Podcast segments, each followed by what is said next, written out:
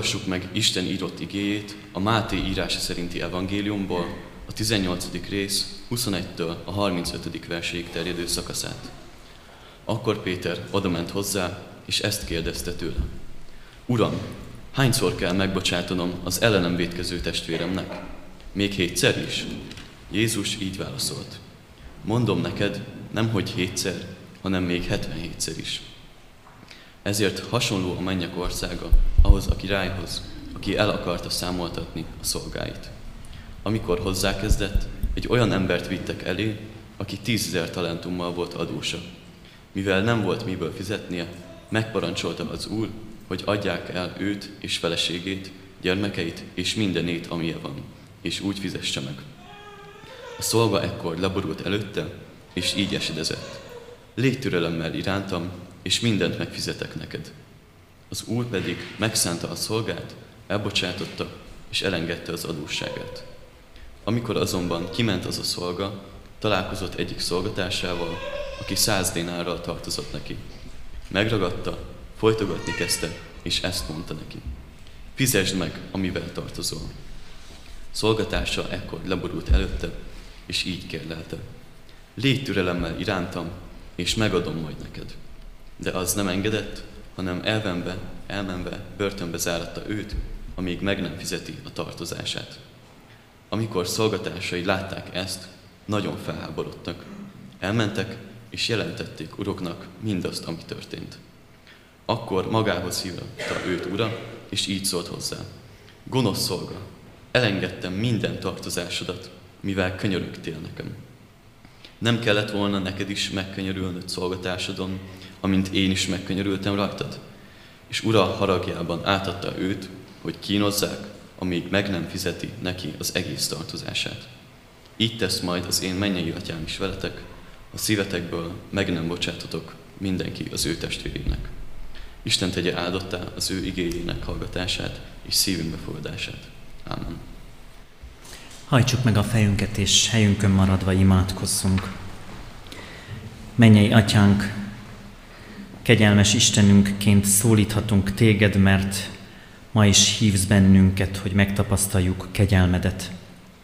Szükségünk van erre a kegyelemre, mert ha végig gondoljuk életünk mindennapjait, akkor valóban sokféle adósságunk van sokfelé, és mindez nálad összpontosul, te elét hozhatjuk, te tudod elrendezni. Jöjj a te kegyelmeddel, bűnbocsátó hatalmaddal a mi életünkbe. Add, a te tanításodat, a te útmutatásodat, a te bátorításodat. Jöjj szent lelked erejével és hatalmával, tégy készé bennünket, hogy szívünkben, elménkben, életünkben hasson a te igét kétélű kartként, mindaz, ami fölösleges, szükségtelen, akadály, azt nyesd el, vágd el életünkben, és mindaz, amire szükségünk van, abban gyógyíts, bátoríts, erősíts szent lelked által. Amen. Isten igéjét még egyszer olvasom a Máté írása szerinti evangéliumból, a 18. részből néhány mondatot. Uram, hányszor vétkezhet ellenem az én atyám fia úgy, hogy én megbocsássak neki? Még hétszer is? Jézus így válaszolt.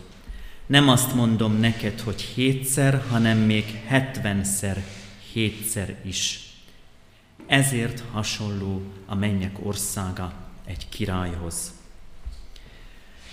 Kedves testvéreim, példázatok sorozatát vesszük idén ebben az évben, ebben a tanévben, minden 11 órás istentiszteletünkön.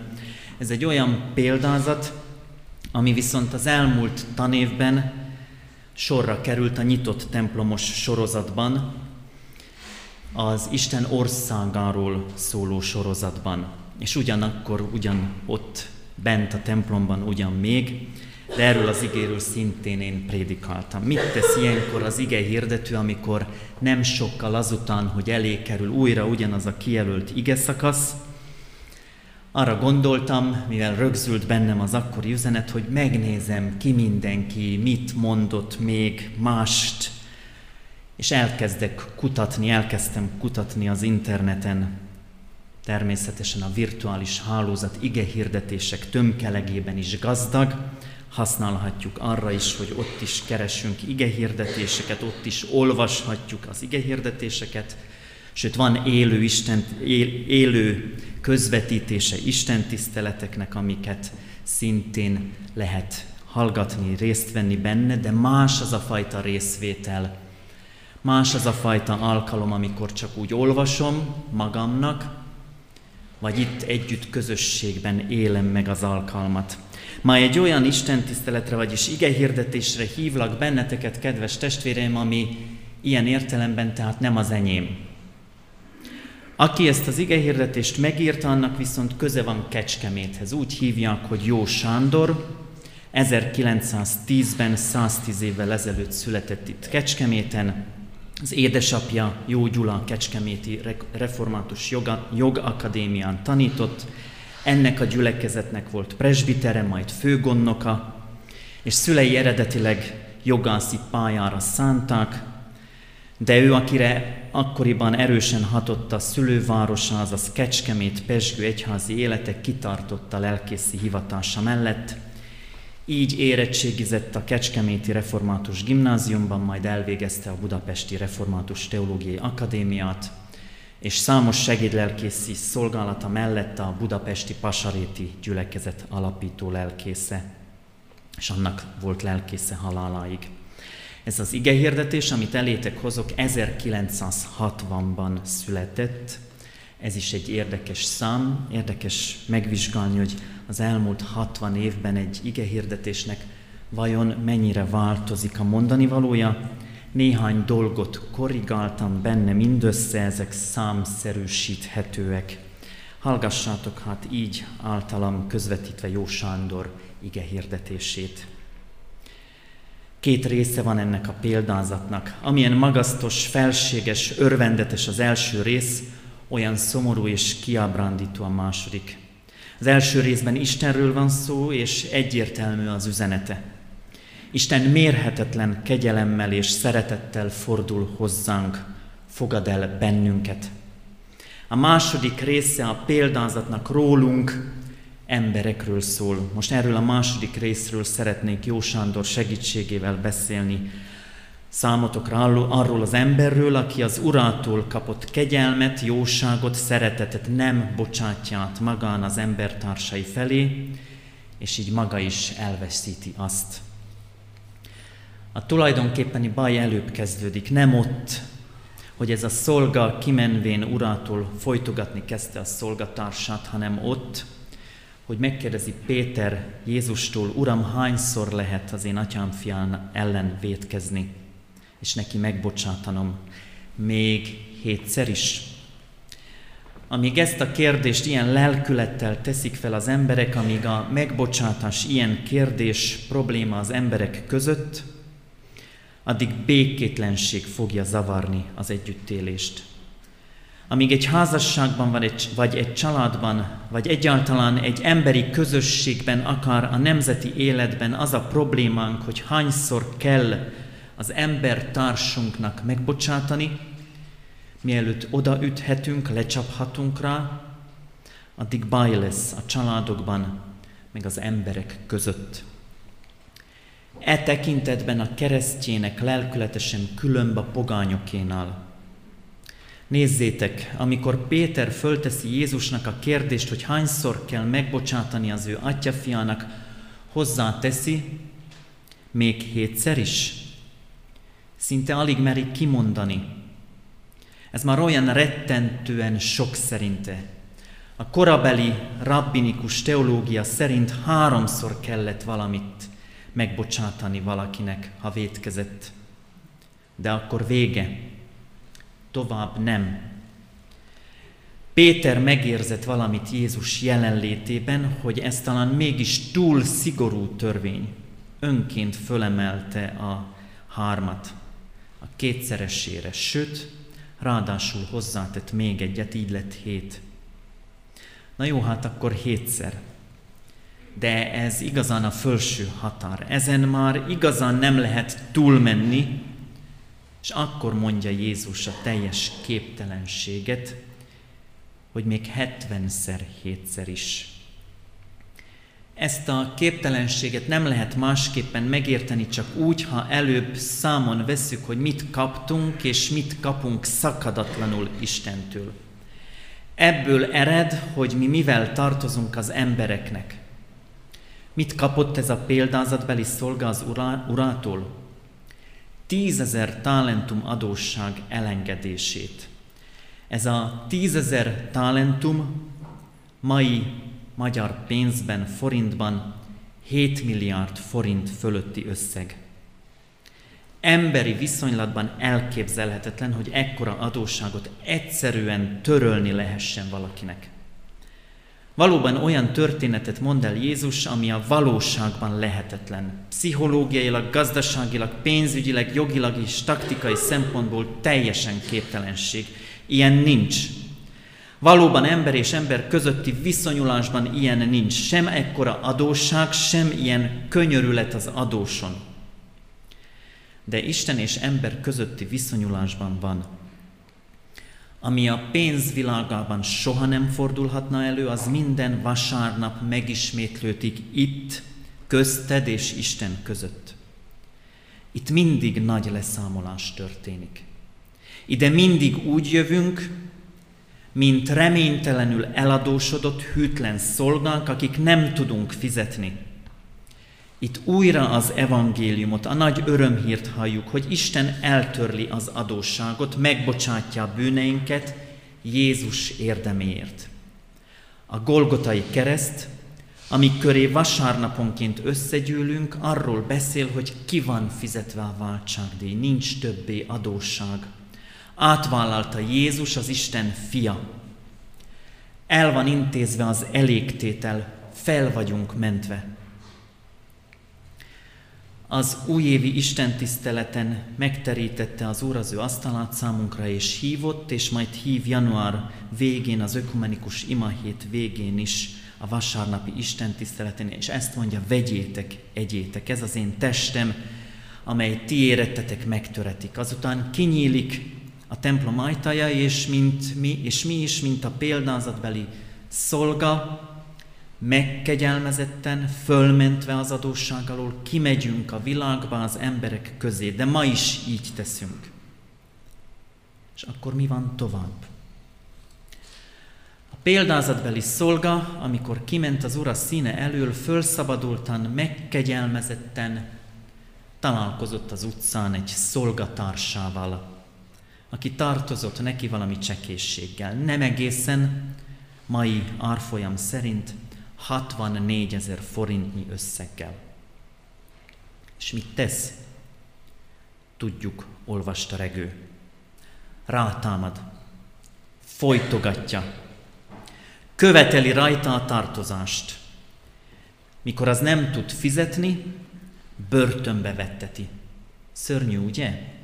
Ennek a szolgának nem jutott eszébe, hogy a szolgatársának a kicsi adóssága annak a mérhetetlen nagy adósságnak egy része, amit éppen most engedett el neki az ő ura. Nem az lett volna természetes, ha ez a szolga, amikor meglátja a szolgatársát, elújságolja neki, hogy mi történt vele az előbb, boldogan tudattára adná, tudtára adná, hogy most már nem tartozik senkinek,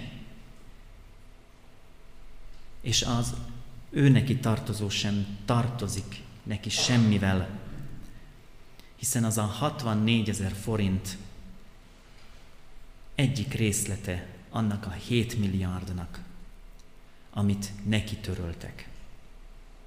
De nem, ez az ember semmit sem értett meg abból a kegyelemből, ami vele történt. Sem abból, hogy ezt, ez őt mire kötelezi, Vajon mi jobban megértjük ezt a példázatot, Isten országát? Hogyan viselkedünk mi, amikor kimegyünk a templomból? Mi is megkegyelmezetten, bűnbocsánattal, megajándékozottan megyünk ki innen. Hamarosan találkozunk az utcán a szomszédunkkal, otthon a házastársunkkal, azután holnap a hivatalban a kollégánkkal, aki ma mindig olyan barátságtalan, vagy a munkahelyünkön azzal, aki annyiszor megmérgezte már az életünket, iskolapadban azzal az osztálytársal, aki folyton bosszant, csipkelődik, gúnyos megjegyzéseket tesz. Azokkal az emberekkel, akik ostoba nézeteikkel már annyi bosszúságot okoztak. Kimenve innen találkozunk embertársunkkal, szolgatársunkkal, akiket mint adósainkat számon tartunk. Mert ilyen adós szolgája mindenkinek van. Most talán valaki a feleségére gondol, aki miatt annyiszor elkeseredett már, akitől nem kapja meg, amivel az asszony tartozik a férjének. Esze ágában sincs megváltozni. Talán valaki a férjére gondol, akiről tudja, hogy nagyon sokszor marad adósa, gyöngétséggel, bíztatással, elégedettségének kifejezésével.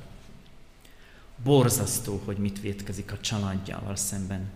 Még csak bűnbunat, bűnbánata sincs, bűntudata sincs a nyomorultnak.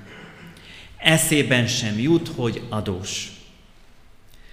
Vagy talán a hivatali kollégádra gondolsz most, aki intrikál, aki miatt nem részesülsz előléptetésben. Vagy a szomszédasszonyra, aki olyan valótlan plegykákat terjesztett rólad. Vagy azokra a fajtájú nyelvű és vallású népekre, akik annyi bajt okoznak a más nyelvű és vallású népeknek. Amint kilép a templomból, rögtön találkozik valakivel a szolgatársak közül, aki adósa. Szembe jön valaki, aki eszedbe juttatja az ilyen száz dénáros tartozásokat. És mi, akik a templomból jövünk, megyünk, felhorkanunk magunkban. Ez az a nyomorult, aki tönkretette az életemet, aki meglopott, megcsalt, becsapott, szerencsétlenné tett. Pedig ezeknek az embereknek az adóssága velünk szemben még csak nem is század része annak a tartozásnak, amit Isten nekünk törölt. Képesek vagyunk-e belátni, hogy ez az adósság is, amit mi követelünk másoktól, annak az adósságnak egy része, amit Isten már elengedett nekünk. Minden ember, akinek tartozása van velünk szemben, olyan ember, akivel szemben mi tartozunk. Tudom, hogy ezt nagyon nehéz elismerni, hát még meg is valósítani. Mit, hogy még én tartozom annak az asszonynak, aki tönkretette az életemet?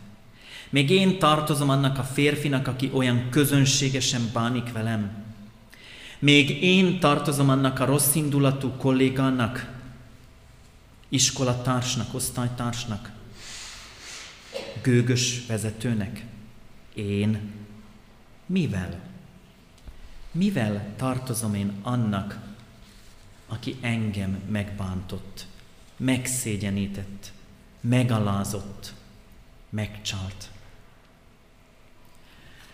Ne feledd sohasem, hogy te a templomból jössz. Onnét, ahol azt hallottad, hogy a milliárdos adósságodat elengedték. Te az Úrtól jössz, amikor szembe jön veled az utcán, vagy otthon, vagy a munkahelyeden a szolgatársad, aki neked adós. Most talán valaki azt gondolja, hogy mi köze van ennek a másik embernek ahhoz, hogy én honnan jövök hogy én a templomban voltam, hogy én a bűnöket elengedő Istentől lépek ki. Mi köze ehhez az én adósságomnak? Ez az én privát ügyem. És neki a torkának. Atombombával vagy anélkül. Csak nem leszek balek, nem hagyom benne, amivel tartozik, behajtom rajta, és már is folytogatjuk a nyomorultat. Ha másként nem, legalább gondolatban, indulatokban, szavakkal, vagy tettekkel, vagy ahogy lehet. Végül is megérdemli.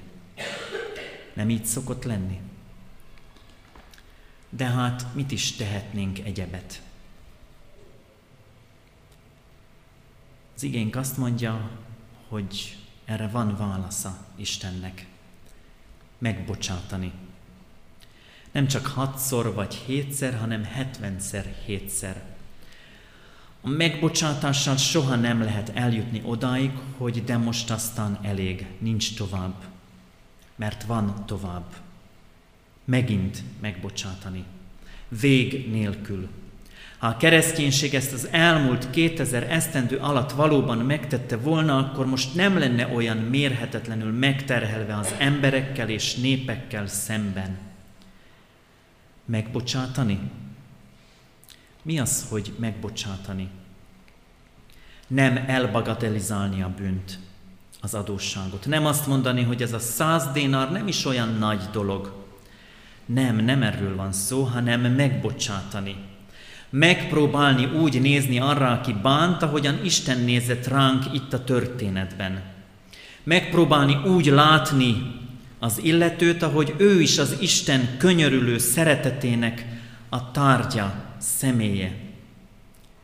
Próbáld meg otthon, családi konfliktusok idején, a munkahelyeden feszültségek közepette, még politikai indulatok között is. De igazán próbáld meg Isten szemével nézni azt, aki adós. Merj megbocsátani neki. Ne szégyelt, ha bolondnak tartanak emiatt. A keresztény embernek ez a hivatása, hogy bizonyságot tegyen Isten hihetetlen szeretetéről. A megbocsátás olyan érthetetlen és lehetetlen cselekedet, amelyben tükröződik valami Isten érthetetlen és lehetetlen gondolatai közül Golgotai cselekedetéből. Az is érthetetlen és lehetetlen volt, ami a kereszten történt.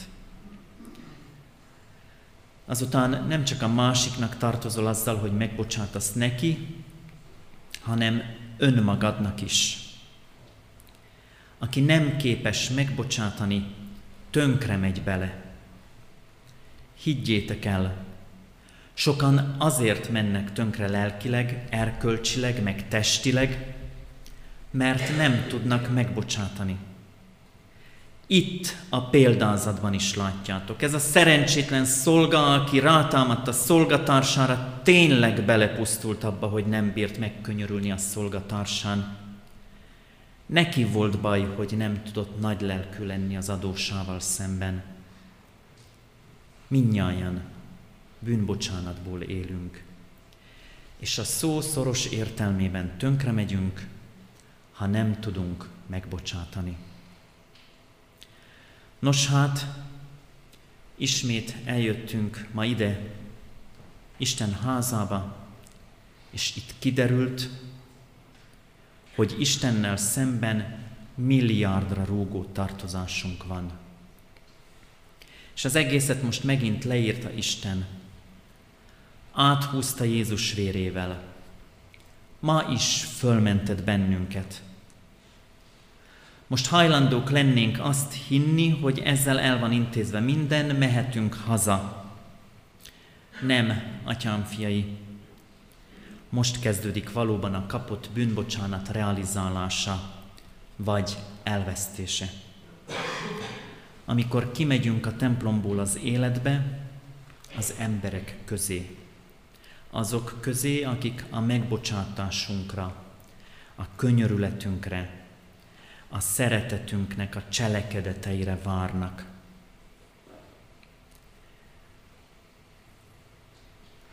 Illetve nem, mert talán már egyáltalán nem is várnak erre.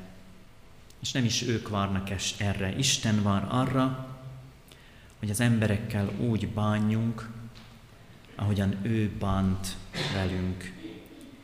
Isten várja, hogy tanuljunk meg igazán jól imádkozni, és bocsásd meg a mi vétkeinket, miképpen mi is megbocsátunk az ellenünk vétkezőknek. Záró imádságunkban hangsúlyosan figyeljünk erre a mondatra. Amen. Válaszoljunk az ige hirdetésre a 220. dicséretünk éneklésével, Bocsásd meg, Úristen, ifjúságomnak vétkét. Mind a hét versét elénekeljük.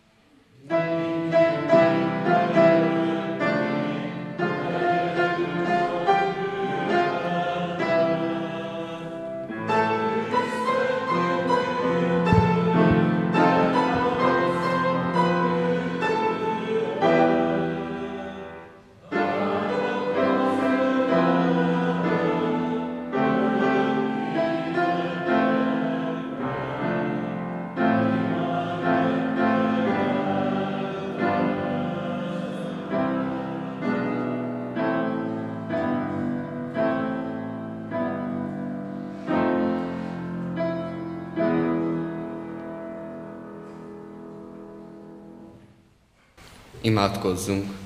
Istenünk, nem gondoltuk, hogy ilyen nagy a kegyelem. Fogalmunk sincs nekünk arról, hogy mibe kerülhetett neked ez az elengedés. Dicsőítünk azért, mert bővölködsz a megbocsátásban, és gazdag vagy a kegyelemben. Bocsásd meg, ha koldos szegények vagyunk. Bocsásd meg kicsinyes számon tartásunkat, Bocsásd meg, hogy a régieket is újra és újra nagy élvezettel felemlegetjük, és bocsásd meg, a bűnbakok vagyunk, és a magunkét nem látjuk. Nyisd meg a szemünket. Kérjünk, nyisd meg a szívünket is, hogy tudjunk ugyanolyan irgalmasnak lenni egymáshoz, amilyen irgalmas Te vagy hozzánk. Segíts ezt elkezdeni már ma. Kérünk, segíts újat kezdeni a házasságunkban, a családban, az egyedül létünkben, szomszédokkal és a munkatársakkal, és legfőképpen a haragosainkkal. Kérünk egy elmedért ebben a gyülekezetben, városban, népünk és nemzetünk számára add a te kegyelmedet és a megbocsátás elengedés lehetőségét. Tartsd meg egyházatat megbocsátó kegyelmedben. Dicsőítsd meg magadat az életünkben. Segíts erről most őszintén beszélni veled. Hallgass meg csendes percben elét hozott egyéni imádságainkat.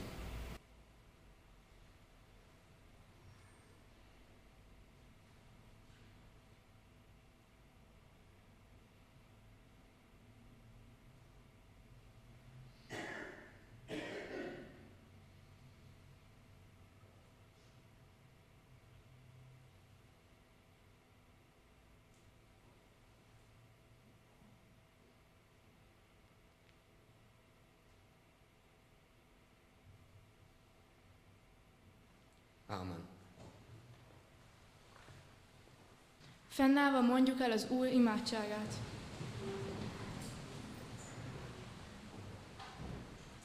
Mi atyánk, aki a mennyekben vagy, szenteltessék meg a te neved, jöjjön el a te országod, legyen meg a te alkatod, amint a mennyben, úgy a földön is. Minden napi kenyerünket add meg nékünk ma, és bocsáss meg védkeinket, miképpen mi is megbocsátunk az ellenünk védkezőknek. És ne védj minket kísértésbe, de szabadíts meg a gonosztól, mert Tiéd az ország, a hatalom és a dicsőség, mindörökké. Ámen. Foglaljunk helyet, testvérem, és hallgassuk meg a hirdetéseket. Isten tiszteleti alkalmainkat hirdetem a továbbiakban. Ma este 5 órától van még Isten tiszteletünk, erre este 5 órától van lehetőség. Jövő héten vasárnap 9-től, 11-től és este 5-től vannak istentiszteletünk. A 11 órás istentisztelet szintén családi istentisztelet az általános iskola szolgálatával. A héten Bibliaóra lesz Petőfi városban este 6 órától kedden a Mérleg utca 107 alatt. Hétfőn az énekkari próbát emelem ki, Azért is, nem csak azért, mert ez minden hétfőn van, hanem azért, mert Szent Molnár Albert születésének évfordulójára emlékeznek ezen az alkalmon, így az öt órás alkalom nyitott. Jól mondom, ugye Tibor? Igen. Köszönöm. Gyászolókkal imádkoztunk az elmúlt héten, és adományok is érkeztek, a neveket, illetve az adományok összegét a hirdetőlapon találjuk. Néhány alkalmat szeretnék az hirdetőlapról kiemelni. Január 19-től 26-áig lesz az ökumenikus imahét. Idén a Szent Család plébánia templomában minden este 5 órától Szolgáló lelkészek Mikes Samuel baptista, Pál Ferenc református, Fecák László görögkatolikus, Kis János evangélikus, dr. Bábel Balázs Kalocsa, Kele, Kalocsa Kecskeméti érsek római katolikus, és a házigazda Hatházi Robert római katolikus lelkészek, lelkipásztorok szolgálatával. Január 25-e egy szombati nap, egy olyan szombati nap, amikor már vége van az első fél évnek. Így lehetőség adatik arra, hogy a tanulmányaikat sikeresen vagy kevésbé eredményesen zárt diákok egy lazító délelőtti, délutáni programban vegyenek részt az ifjúsági galérián, fél évzáró ifis, csocsó és pingpong bajnokságra lehet nevezni. Ugyancsak a fiataloknak hirdetem a Református Fiatalok Szövetségének a téli-tali ifjúsági találkozóját, ami február 21-től 23-áig tart. Erre a refis.hu oldalon lehet regisztrálni. Fölhívjuk mindazok figyelmét, akik gyermekeiket a református óvodába, általános iskolába vagy gimnáziumba kívánják beiratni, lelkészi ajánlást kérhetnek a parókus lelkészektől. A lelkészi ajánlás nem garantálja a felvételt, de segít számon tartani az intézményeinkbe készülő gyülekezeti gyermekeket. Másképp is elmondom, a felvételire tessék készülni azoknak, akik írásbelit írnak, mert a pontszámok igenis számítanak, a lelkészi ajánlás nem ad egyenes beugrót intézményeinkbe. Nyári többgenerációs táborunknak megvan az időpontja és helyszíne, így lehet a nyára, nyári szünetet már úgy tervezni, hogy ehhez igazítjuk programjainkat. 2020. július 27-e és augusztus 1 között lesz felső tárkányban. Adunk kétszer egy százalékáról van lehetőségünk rendelkezni, éljünk ezzel a lehetőséggel is. Záró énekünk a 168. dicséret, ezt követően fogadjuk együtt fennállva Isten áldását.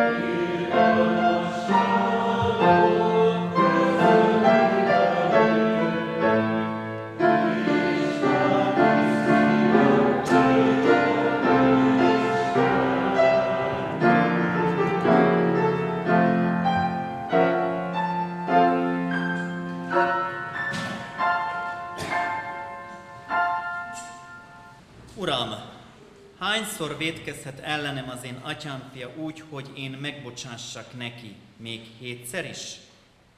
Jézus így válaszolt, nem azt mondom neked, hogy hétszer, hanem még hetvenszer, hétszer is. Isten tiszteleteinkre hazaindulva, Istennek népe áldjon meg és őrizzen meg téged az Úr. Világosítsa meg az Úr az ő orcáját te rajtad, és könyörüljön te rajtad. Fordítsa az Úr az orcáját, tereád, és adjon békességet néked és erőt a megbocsátáshoz. Amen. Áldás békesség. Mindenkinek áldott vasárnapot, jó étvágyat az ebédhez.